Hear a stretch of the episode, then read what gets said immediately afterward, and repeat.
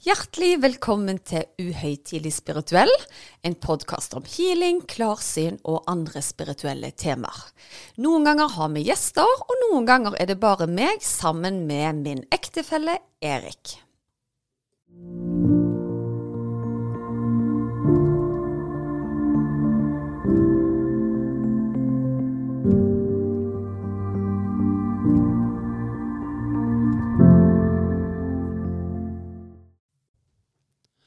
Ja, så. Da var vi i gang igjen. Ny uke, nye muligheter. Ja, alltid like kjekt vet Det, ja, men det er jo det. Og så Ja. var du veldig flott i dag. Jeg ser du har vært på gymmen, så ikke Ja, verst. ikke vært i dusjen engang, og da er det jo flott. Ja. Ja, nei, men sånn er det når vi pynter oss til radio. Da Vi trenger ikke det vet du, når vi ikke er på TV. Så Nei. det syns jeg er litt uh, relaxing. Det kommer det òg, sikkert. En Ja. dag. En dag. Ja. Da får vi heller gå i dusjen først. Ja. Yes. Men i dag Susanne, så tenkte jeg at eh, vi måtte ta en liten forlengelse i dette. Vi har jo hatt en del episoder rundt den der personlige utviklingen, og gjerne liksom bli mer spirituell og litt sånne ting. Mm. Så tenkte jeg, hva er mer naturlig enn at vi snakker om hvordan bli en bedre healer, eller noe sånt? Ja, altså meg og deg diskuterte litt det, og det jeg tenkte vi kunne dra fram, er rett og slett at det finnes ulike healingteknikker, da. Ja. For jeg har jo min saus av hva jeg har på en måte erfart og Ja, det er hjemmesnekra. Ja, det er litt sånn hjemmesnekra. Så jeg har jo funnet min metode, og jeg sier ikke at det er feil. Men jeg vet òg at det er en del ulike teknikker eller mønstre du kan finne der ute, da, som du kan følge hvis du vil. Mm. Og det som da er fint, det er jo at eh, vi kjenner jo en som har vært på podden her før, som holder kurs i healing. For det hadde jo vært litt dumt at jeg som økonom skal sitte og jatte med, med healing-prat. Ja, og så er det litt kjekt også å ha litt forskjellige perspektiver på ting. Så jeg Ja. syns at eh, Torunn Antonsen er perfekt til å komme inn og snakke om akkurat det, for hun er veldig dyktig Mm. og har en veldig fin energi. Absolutt. Ja, velkommen til deg, Torunn Antonsen. Tusen takk. Jeg må nesten si eh, takk for sist. Likeså. Veldig hyggelig å bli invitert igjen. Ja, veldig kjekt. Og bare sånn kjapt eh, for de som kanskje ikke har hørt den første episoden hvor du deltok, kan du ikke gi oss en liten introduksjon? eh, Hvem, eh, hvem er Toren Antonsen? Ja, jeg har jobba 20 år fulltid som healer eh, i Arendal.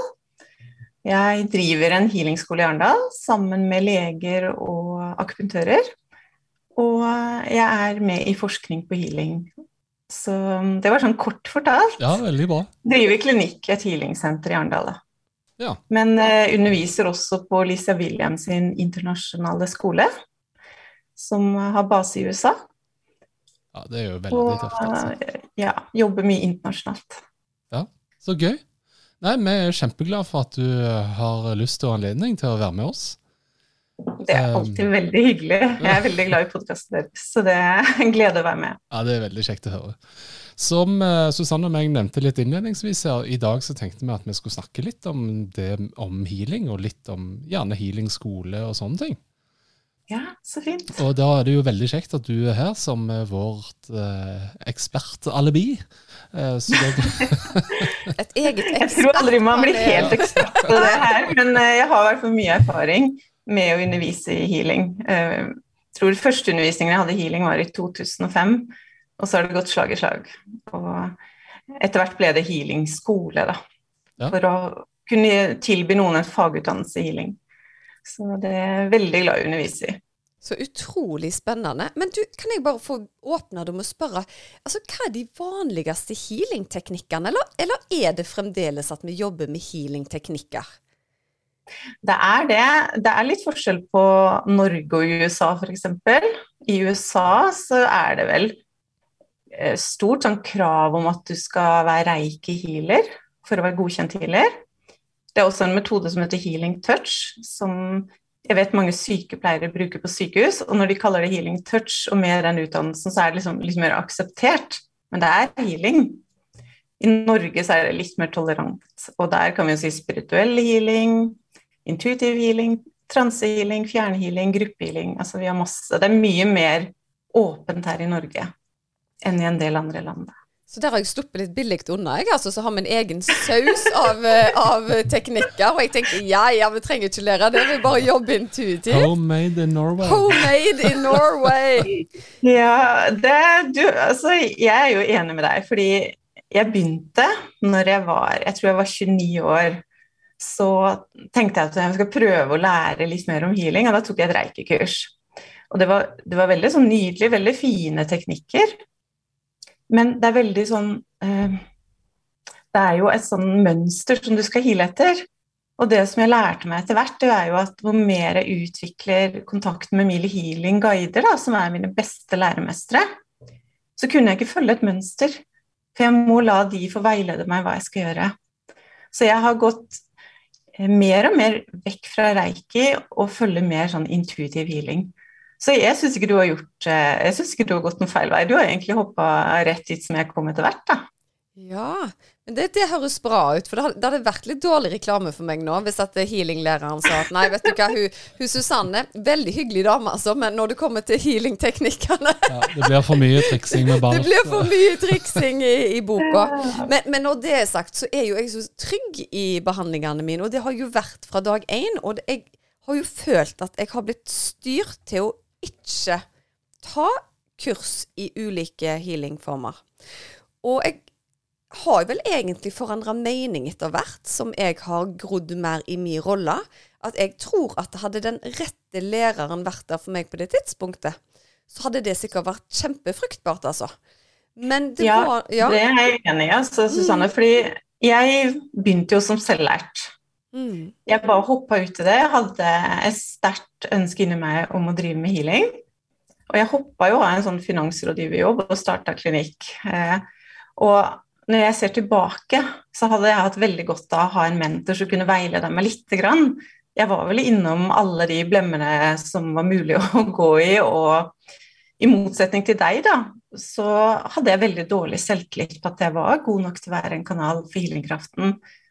Og det ser jeg i mange av mine elever òg, at um, det å få prøve forskjellige teknikker, ha en lærer som har tro på de og støtter de og hjelper de i det, så tør de mer. Så mm. det er liksom Mange av mennene jeg har hatt som går tidligskolen, de er litt mer som deg. De er veldig uredde, de bare hopper ut i det. Men en del av damene de er mer sånn at de ikke tror de er flinke nok. Og kanskje at jeg skulle gå den veien som jeg gjorde, fordi at da kan jeg forstå noen av de elevene, da. For det er noen av de beste talentene jeg har hatt, noen av de har ikke hatt tro på seg selv. Og når vi får liksom støtta og backa de opp, så er det helt utrolig hvor nydelig kanal de kan være for kraften. Så jeg, jeg tenker at jeg føler at du er født med dette så sterkt, fordi at du skal være en frontfigur som skal brøyte vei og gå fram og vise på en måte hva healingkraften kan gjøre. Men jeg tror vi kommer til å trenge et hav av healere, sånn som framtida ser ut nå. Og, og, da er det fine mennesker som virkelig kan være gode kanaler som vi kan hjelpe i gang da, til å bruke sin egen Være kanal for denne kraften, de også. Åh, oh, det vet du hva, det musikk i Og Jeg kjente bare frysningene opp langs hele kroppen når du sa det. Så jeg vet ikke om det var bare healing i ordene, jeg, altså. Og det hadde jo vært fantastisk om flere hadde åpna opp for yrket generelt sett, for det er så givende. Å se ja. på en måte mennesker transformere seg til en bedre utgave av seg sjøl, da. Eh, det er det jeg liker best med jobben min, egentlig. At de kommer gjerne litt sånn rustne inn og eh, mangler både kontakt med seg sjøl og gjerne hva de vil med livet. Og så kommer de tilbake, og så er det bare en ny gnist der. I love it! Det er, det er, det mest fantastiske med healingen. Mm. De blir en sånn best mulig utgave av seg selv når de forstår hvem de er og hva de har av, eh, av talenter. Og, så det, det, er det beste med å være healer, det er når du ser lyset tennes i andre mennesker. Og så går de ut og skinner, så det blir sånne ringvirkninger av det du formidler, da. Mm. Og, og, en av de første årene mine så dro jeg mye til England for å få litt veiledning og støtte. Jeg hadde jo fortsatt ingen tro på disse evnene mine. Og da husker jeg han ene sa til meg du Torunn, det her vil du ikke tro ene læreren. Så sa han men du er en som skal gå ut og prate om healing eh, i mange land og vekke opp mange andre healere. Og så sa jeg nei, det tror jeg faktisk ikke noe på. For jeg var så sjenert og hadde så dårlig selvtillit på at jeg var god nok. til å være en kanal. Så jeg tenker liksom sånn sammen da, så kan vi favne veldig mange mennesker med å ha litt forskjellige mennesketyper som er healere. Klart det, og det er jo sånt i alle områder i livet, egentlig, så vil det være noen som er en bedre match for deg, egentlig. Eh, som er litt mer på den frekvensen de skal være i forhold til deg, da. Men er det sånn at alle egentlig kan utføre de healing-teknikkene som, eh, som, du snakket om innledningsvis? Mm, ja, alle kan lære seg å utføre healing-teknikker. Fordi vi mennesker er jo skrudd sammen ganske likt, med energisentre og chakraer, og vi har også chakra i hendene. Altså vi er, vi er ikke så forskjellige. Uh, så vi kan ta hvem som helst inn fra gata som kan lære seg å overføre litt healing jeg tror for å jobbe fulltid som healer, så må du ha et medfødt talent. Og det er akkurat som hvis du tenker på proffe fotballspillere, da. De har jo et talent. Hvis ikke kunne de ikke levd av fotball. Jeg kunne ikke levd av fotball. Men jeg kunne sikkert blitt trent til å få, få det litt. Men jeg har ikke talent. Og det er jo samme musikk òg, ikke sant. Alle blir ikke Mozart, og alle blir ikke Joralf Gjerstad, eller sånn som, mange kaller han. Så jeg, jeg tenker at vi som jobber fulltid med det, vi har et medfødt talent. Eh, men alle kan lære seg å overføre healing og hjelpe de hjemme og barna sine og familien og, og være ja, en positiv ressurs for andre mennesker. Men alle mennesker har ikke egenskapen og personligheten til å håndtere mennesker i alle livssituasjoner. Vi får jo alt fra babyer til 90-åringer til eh, folk som vurderer å ikke leve lenger. Eh, jeg er jo mye på lindrende avdeling og healer de som er døende, for at de skal få ro. De får en veldig ro når de får healing. Så det er, det er ikke alle mennesketyper som jeg ser for meg av de som har vært eh, på kurs opp igjennom, som kommer å bli fulltidshealere. Men på den healingskolen jeg driver i Arendal, så har jeg en samtale med alle elevene i forkant og, og de er håndplukka. Så de har den sensitiviteten, eh, medmenneskeligheten, og de får også kunnskap. Så jeg føler det er litt sånn som å få sertifikat på bil, at da er de gode nok til å fortsette å trene sjøl. Og de har også støtte videre. Jeg følger de opp på Facebook-grupper i så mange år de ønsker. Men som sagt, det, det er ikke alle personligheter som er like egna til å jobbe fulltid som healer. For, for, det er i hvert fall rådet jeg gir til de som tar kontakt med meg, og det er veldig mange som veldig gjerne vil at jeg skal utpeke at de har evner, f.eks. Og da er mitt første bud at det, hvis du ikke har peiling på om du har evner sjøl, at du på en måte trenger noen som skal fortelle deg at du har evnene, så er du gjerne ikke der at du skal begynne å jobbe som healer. Eh, det er første poenget. Og så er det andre har du en veldig stor ballast. Du sliter gjerne psykisk, du sliter med det sosiale, du sliter på mange områder. Så er det gjerne første bud å få orden i seg sjøl og jorde seg sjøl før du skal gå ut og hjelpe andre. For det opplever jeg, det er gjerne folk som ikke er balansert i det hele tatt, som ønsker å bistå andre med kraft og holde de oppe. Og du skal være ganske balansert mellom eh, det medmenneskelige, det fysiske i deg sjøl, det mentale og det spirituelle, for å kunne være til støtte for andre, da. Etter min opplevelse og mening. Hva, hva tenker du om det? Jeg er helt enig. Eh, jeg ser også fordelen med Det hender jo jeg ser noen som er veldig unge, som har en veldig mm, talent for healing men de mangler noen ganger litt livserfaring. Så det er eh, Jeg ser at sånn som jeg sjøl, nå som jeg har holdt på i 20 år, så tiltrekker meg jo litt andre klienter enn jeg gjorde når jeg starta opp. Og det der med å ta vare på seg sjøl først, det, det, er grunnleggende. Men så er det noen som, som sier ja, men Torunn, er du alltid i balanse, du da? Det er jeg. Altså, jeg er ikke 100% i balanse alltid, jeg. Eh, så jeg tenker hvis man skal være 100% i balanse, da kunne jeg aldri jobba som healer. Fordi vi trenger jo å få livserfaring, og vi opplever ting i livet alle sammen. Både sykdom, og vi kan miste noen vi er glad i, og komme i ubalanse. Men da er det Har man for tøffe ting som foregår, så er det liksom å ta en liten pause og ta vare på seg sjøl, sånn som du sier, mm. før vi starter opp igjen. Mm. Og, og, for å bli en god healer, så må du jo trene masse. Det er jo hvor mer du gjør det, hvor dyktigere blir du og, til å være en kanal, da. Og det er jo sånn med deg, Susanne, du har jo trent masse. Og du merker sikkert en veldig utvikling fra du starta opp til det du jobber med nå. Ja, absolutt. Altså, nå, nå, var jo jeg veldig kjapp med å ha disse hjelperne og guidene. Aurora hun introduserte seg med en gang. Men det som er litt gøy nå for tida, eh, er at eh, i den siste uka og to nå, så har jeg tatt veldig mange av klientene mine opp i dimensjoner hvor de får hilse på seg sjøl i andre dimensjoner.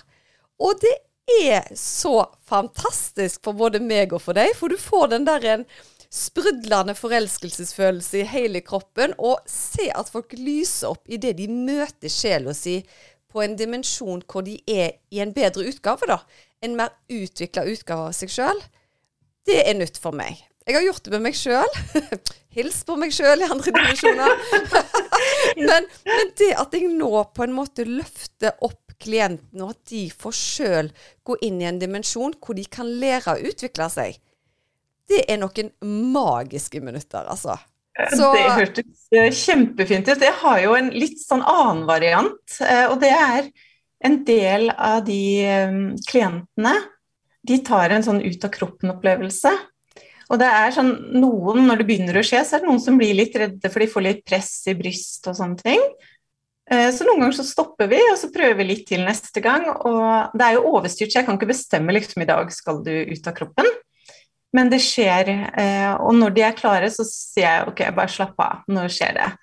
Og da ser det jo ut som de får narkose. Altså de bare De blir liksom bare borte, akkurat som de sover veldig dypt. Og så kommer de ut av, av kroppen, og de føler de går opp i et sånn hvitt lys.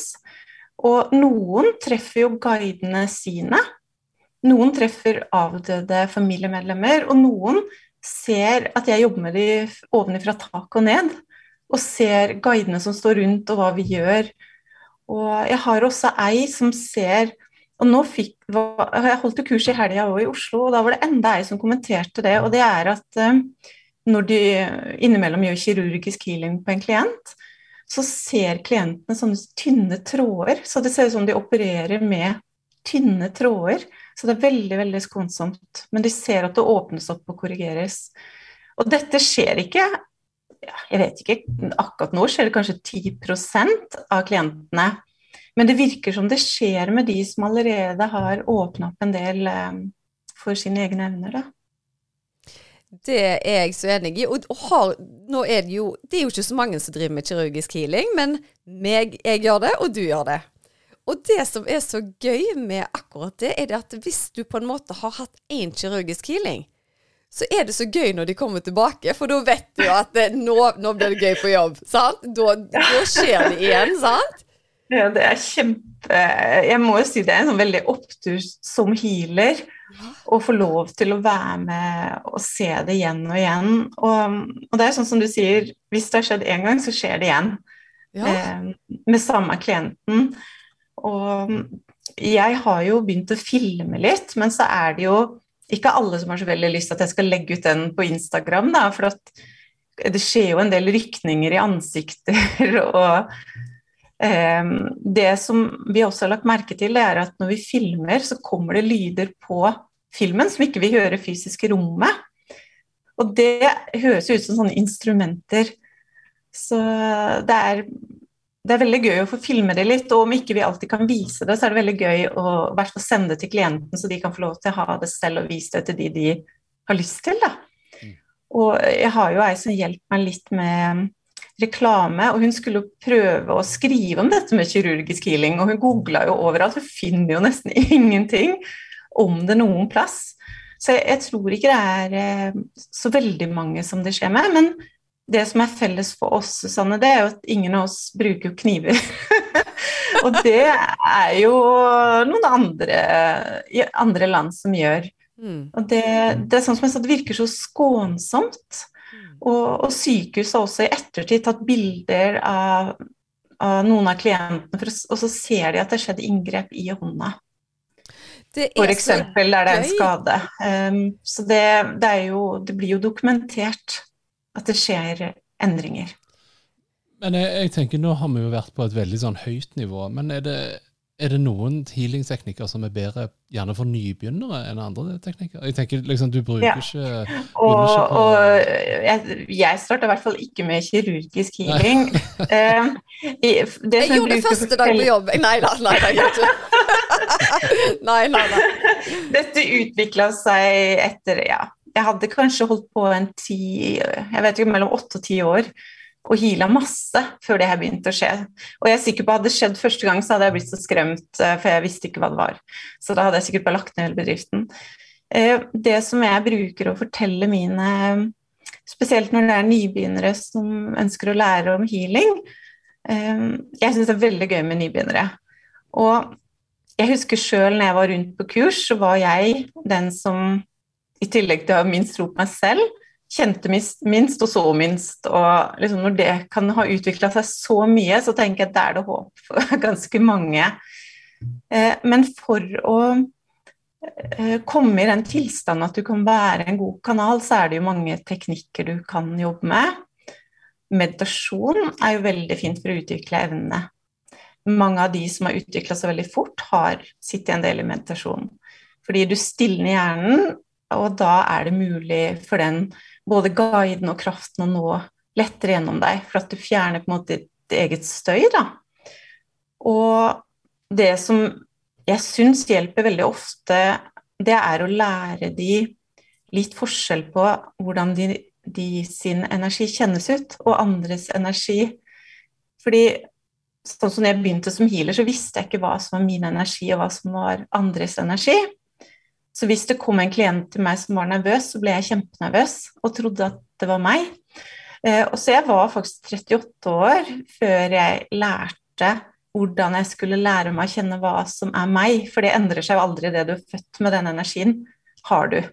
Og det er ingen liksom god eller dårlig, det er bare du får, har den energien ut fra hvilke oppgaver du har i dette livet. Og når jeg kunne skille på hva som er min, og hva som var klientene sin energi, da hjalp det veldig.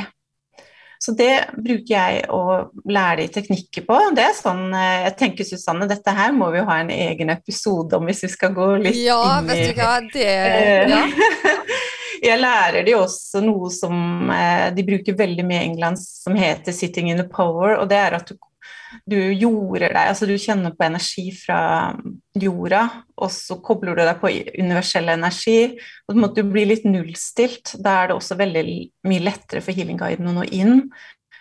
Um, og ofte kan man sitte egentlig bare og puste rolig i ti minutter med en intensjon om å få kontakt med healingguiden dine.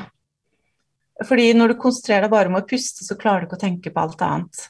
Så hvis du kaster ut et spørsmål, så enten så når de inn til deg mens du sitter der, eller så kommer det gjerne et tegn løpet av de første dagene i en eller annen form. Eh, som regel så får du i hvert fall svar innen tre dager. Hva er det med det magiske tallet tre hele tida? Det, det, er i mine healinger òg. Altså, det er av og til sånn skikkelig sånn eh, Det hellige tallet, altså. Sant? Og det, jeg ser alltid på eksempel. Det skjer kanskje ikke første og andre gangen, men den tredje dagen. da, da, skjer oppstandelsen, på en måte. Men er det noe i den tallet tre? Ja? Uh, jeg er født den tredje. Uh, jeg elsker tallet tre. For meg så står Jeg kan ikke nomologi og astrologi, men tallene snakker til meg. Mm. Og tallet tre står for raske, positive forandringer for meg. Eh, så jeg legger jo en del sånn uh, engletarotkort og har ridinger og sånn. Når jeg ser tallet tre, så vet jeg nå skjer ting fort. Uh, og 333 er vel tallet for Jesus. Og jeg husker Vi har jo heala hverandre litt, Susanne. Det er jo ikke så mange som slipper til når, på healing på noen av oss. Nei, det har du helt rett i. og den ene gangen du heala meg, så sa du eh, klokka tre i natt så skjer det noe. Så tenkte jeg ja ja, særlig. Da sover jeg. og så våkna jeg eh, midt på natta, så på klokka. Da husker jeg det sto 333. Og det som var veldig spesielt, det var jo at det var flomlys på i hele soverommet, og det var ingen som hadde vært oppe. Så det er det, det er noe med det tretallet For meg så er tre et veldig positivt tall. Eh, spør du en nomolog eller astrolog, så kan du sikkert si veldig mye om det tallet, men jeg personlig er veldig glad i tretall. Mm. Veldig kult. Er det noen healing-teknikker som du opplever er vanskeligere å lære bort enn andre? Ja. Um, det, sånn som jeg tenker, det er at alle elevene som jeg har hatt, har forskjellige talenter. Og når de har gått healingskolen og prøvd masse forskjellige teknikker, så vil de merke hva de på en måte gjør lettest. Eh, sånn som noen kan gå ganske sånn dyp tilstand som heter å, å, sitte i transe og bare være en kanal, sånn guidene bare kan jobbe gjennom deg. Og ofte så får de ikke med seg selv hva som foregår under healingen når de er så dypt. Noen har talenter for det. Eh, og så er det jo noen som over tid Jeg har hatt to stykker på healingskolen som det har skjedd eh, begynnelse på kirurgisk healing så er det noen som har mer talent for dyr, og noen har mer talent for å hile meridianer, energibanene i kroppen. Så sånn som jeg tenker det er at jeg kan aldri eh, invitere inn til et kurs Det er veldig mange som har spurt kan du undervise i kirurgisk healing. Så jeg, sånn, sånn, som ting er nå, med min kunnskap, så kan jeg ikke det. Jeg kan ikke love at noen skal få til akkurat det. Men jeg syns eh, hvis de prøver mye forskjellig og jobber over tid, så vil de sitt eget team av guider veilede de på hva som fungerer best med de som kanal. Og noen har veldig mye healing i stemmen sin, at de kanaliserer mens de healer. Så det er eh, Det er egentlig veldig vanskelig å kunne love hva de skal bli gode på. Det jeg ønsker, er at de skal prøve mye, og så ser de selv og med veiledning hva som fungerer best. Og det betyr ikke at de ikke kan utvikle det over tid, men det veit ikke jeg. Det er de sitt team som på en måte eh, de, de prøver alle mulige veier for å se hva, hva kan vi bruke deg, altså hvordan kan vi bruke deg best som kanal. Så det er veldig individuelt. Eh, ja, men da må jeg jo bare spørre. Altså Som lærer så er det jo ofte strekk i laget, la oss kalle det sånn. Og du nevnte jo innledningsvis her at uh, du gjerne har en liten uh, utvelgelse først. Men er det noen elever som overhodet ikke mestrer dette her? Det er egentlig litt tilbake til det vi sa i stad. Det er ikke alle som har de medmenneskelige egenskaper som man bør ha for å ta imot en klient. Og det er ehm, det som jeg gjør med den samtalen, det er, er f.eks. noen som har ønsket å gå i healingskolen, som eh, er veldig opptatt av mørk energi. Eh, og det siler jeg ut fordi jeg jobber bare med lys. Så jeg forholder meg ikke til mørk energi i det hele tatt. Og da sier jeg at kanskje en annen type utdannelse eller en annen skole passer bedre for deg. Du, du må nesten finne en sånn en skole med rød horn, du. Men det, det, det, det, kjenner ikke jeg til. Og vet du hva, jeg er så enig med deg, for det, er et spørsmål vi får masse på podkast nå. Og det hopper jeg bare galant over, for jeg vil ikke gi mørke energi i det hele tatt. Det er, mm. Vi vet at det er der ute, men eh, det bruker ikke jeg tid på, i hvert fall. Nei, og så er det Jeg har alt fra prester til muslimer til ateister som går hos meg. Og sånn som jeg opplever det, så er healing en ren kjærlighetskraft med en veldig høy intelligens. Så, og den opplever jeg at passer til alle, uansett trossystem. Jeg syns jo det er veldig spennende at du da har prester som er klienter hos deg. Ja, jeg husker første gangen eh, jeg har eh, Det har vært flere prester, men første gangen så jeg var litt nervøs, for jeg visste at den presten kanskje hadde vurdert litt fram og tilbake før de kom. Og, og hun ene hun sa men jeg har kommet fram til at det er bare guddommelig kraft som renner gjennom deg hele dagen. Så for henne så er det fra Gud. Noen bruker ordet source. Jeg bruker egentlig mest bare ordet healing. Og noen sier universets kjærlighetskraft. Eh, for meg så er det ikke så viktig med å ha et ord på det, fordi jeg har så mange med forskjellige trossystemer som kommer til meg. Også noen som ikke har trossystemer i det hele tatt, som ikke tror på noen ting. Så for meg så er det som å lukke øynene og bare stå under en foss av lys. eh, som renner gjennom hodet, touch hjertet og ut av hendene. Og se lysskikkelser i det. Så om noen velger å kalle det Gud eller ha et annet ord på det, så, så Jeg føler ikke det påvirker healingtimen i hvert fall. Men du må tilpasse deg litt hvilke mennesketyper du har. Du må veie litt hva du skal snakke om og ikke snakke om, sånn at vi når flest mulig med healingen, så flest mulig kan ha nytte av healing. Mm. Selvfølgelig. Jeg syns jo igjen, holdt på å si, jeg var fascinert av presten, men nå er jeg fascinert av den som gjerne, gjerne ikke har tro. Som, altså, for du må ja. jo tro på noe hvis du skal få healingkraften gjennom deg, må du ikke det? Det er ikke noe ulempe at klienten uh, Altså, jeg det der med å tro på ting, så skjer jo mye. Vi kan påvirke veldig mye med tankenes kraft. Men det er jo Jeg har jo tenåringer som Noen kommer eh, fordi de har kjempelyst, og noen kommer fordi at mamma har bestemt at de skal. Og jeg husker jeg hadde en gutt som eh, Han var ikke veldig klar for å komme på healing-time. Men han hjalp det kjempegodt på. Og når de først måte får prøvd det en gang og ser på en måte at det er ikke farlig, og hun er helt normal, og at de kjenner ting, og så kanskje får vi opp ting i livet deres som vi får inn av bilder eller beskjeder, så de får noen bekreftelser, så kommer de gjerne tilbake. Det er enda lettere å jobbe med de. Men at du må tro på det for at det skal hjelpe Jeg har erfart at du ikke trenger det også, fordi eh, jeg healer jo en del dyr. Og jeg tror ikke de har så mye tanker om at healingen skal hjelpe eller ikke. Og vi ser jo veldig positive resultater. Jeg har mye um, hester jeg healer, og hunder. Og det, de tror jo ikke på det ene eller det andre. Men som menneske så er jeg overbevist om at hvis vi har positive tanker rundt det, så hjelper vi til. Mm. Åpner opp litt.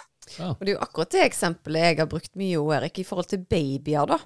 Fordi når du får høre dette, ja, tro kan flytte fjell, så tenker jeg ja, men når det kommer inn en baby med to, på to måneder full i utslett, og så bare bruker du hendene nærmest og visker det ut, er det foreldrene som tror for de da, eller er det, er det de sjøl som på en måte skaper det? Så jeg er så enig i det du sier, det, at det er kraft å jobbe uansett, da. Men har du et åpent sinn, så tror jeg gjerne du, du kjenner mer bølgen i kroppen, gjerne. Du er mer åpen for lyset som skal komme inn. Og så har du sånne teoretikere, litt sånn som du, Erik, selv om du er veldig åpen. Så hvis jeg sier til deg da Å, vet du hva, i natt så jeg morfar på loftstua som er død. Nå tror jeg du ser for deg at han faktisk skal gå gjennom loftstua. Helst i en sånn skygge, eller Altså at han faktisk er der fysisk, da. Eh, men da er det jo å skille den der, der, at OK, det er ikke sånn at de faktisk fysisk sitter der. Det er jo et mentalt bilde, og jeg kjenner at han er der, og jeg kan forklare hvordan han ser ut og sånn. Så jeg tror vi er litt ulike i hva oppfatning vi har av hvordan ting skal se ut eller oppleves òg, da. Mm. Ja, helt enig. Mm. Det er jo det Hollywood har lært. Altså, du kan ikke lage en film med at en sitter og føler at det er en der. Du må liksom vise at uh, der er det en.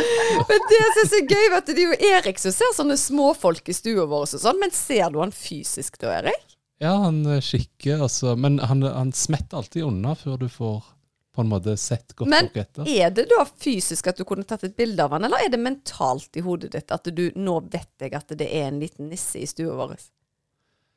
Nei, nå må du slutte å Ja.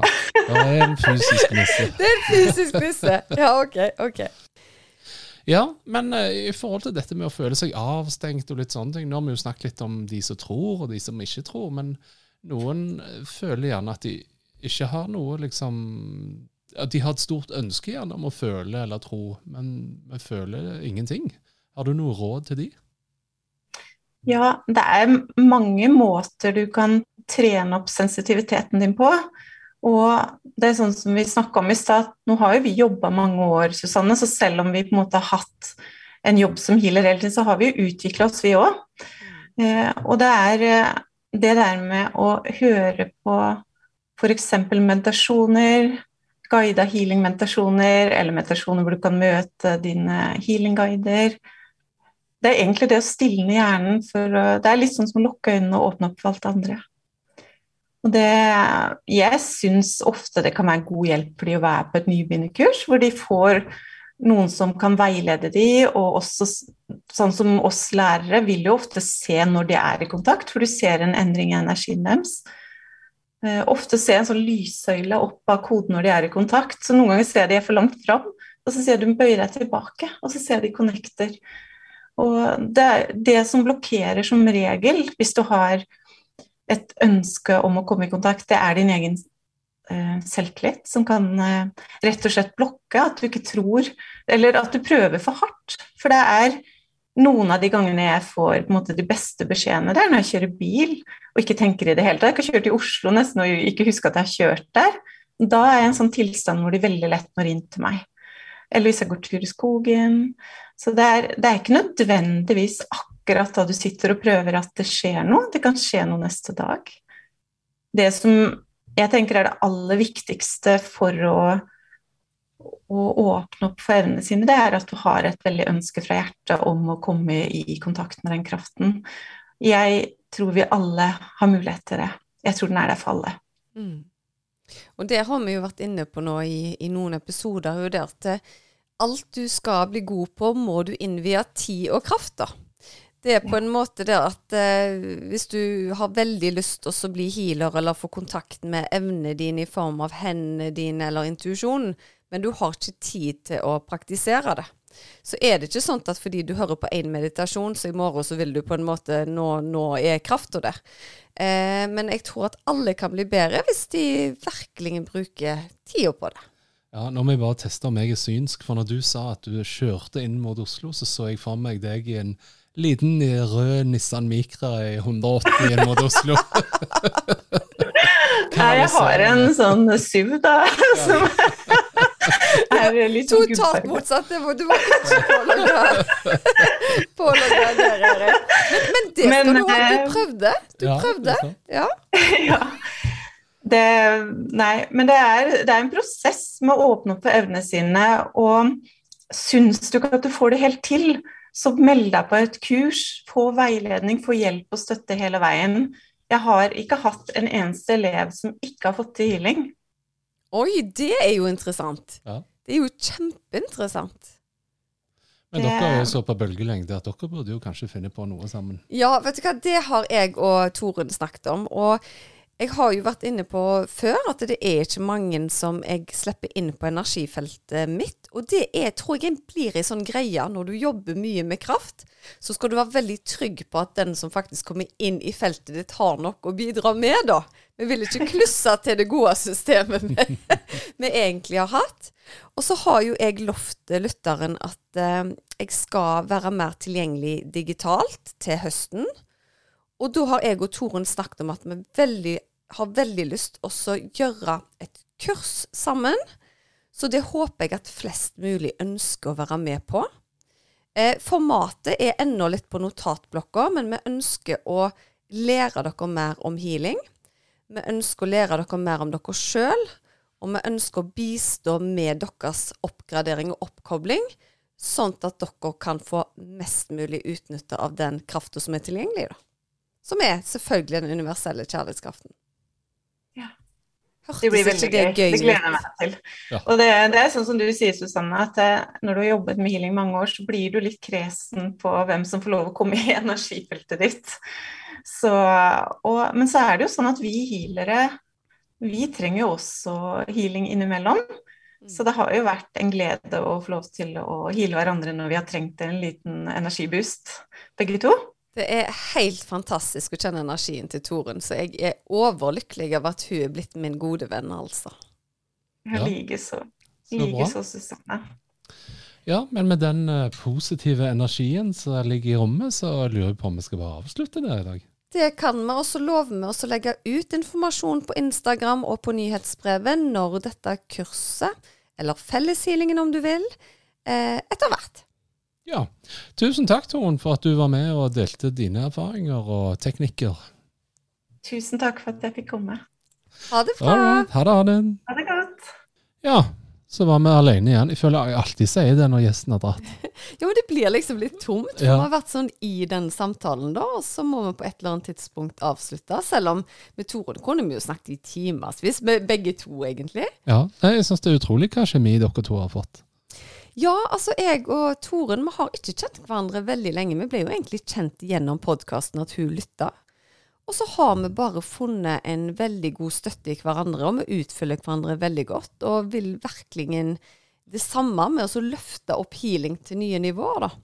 Så jeg og hun kommer til å ha prosjekter framover sammen nå. Så det blir veldig gøy å jobbe tett med henne, for hun har god tyngde, masse kunnskap om healing. Og jeg syns det er veldig kjekt å kunne ha noen andre som jeg gjerne kan lene meg litt på. da. Mm, mm. Absolutt. Kaken blir større, som vi sier i økonomien. Ja, og det er så viktig. Altså Spre ordet, og det vil komme flere dyktige healere, og det er det vi jobber for. Ja, veldig bra. Men ok, med det så sier vi tusen takk for at du hørte på oss i dag. Ha det bra. Ha det, ha det.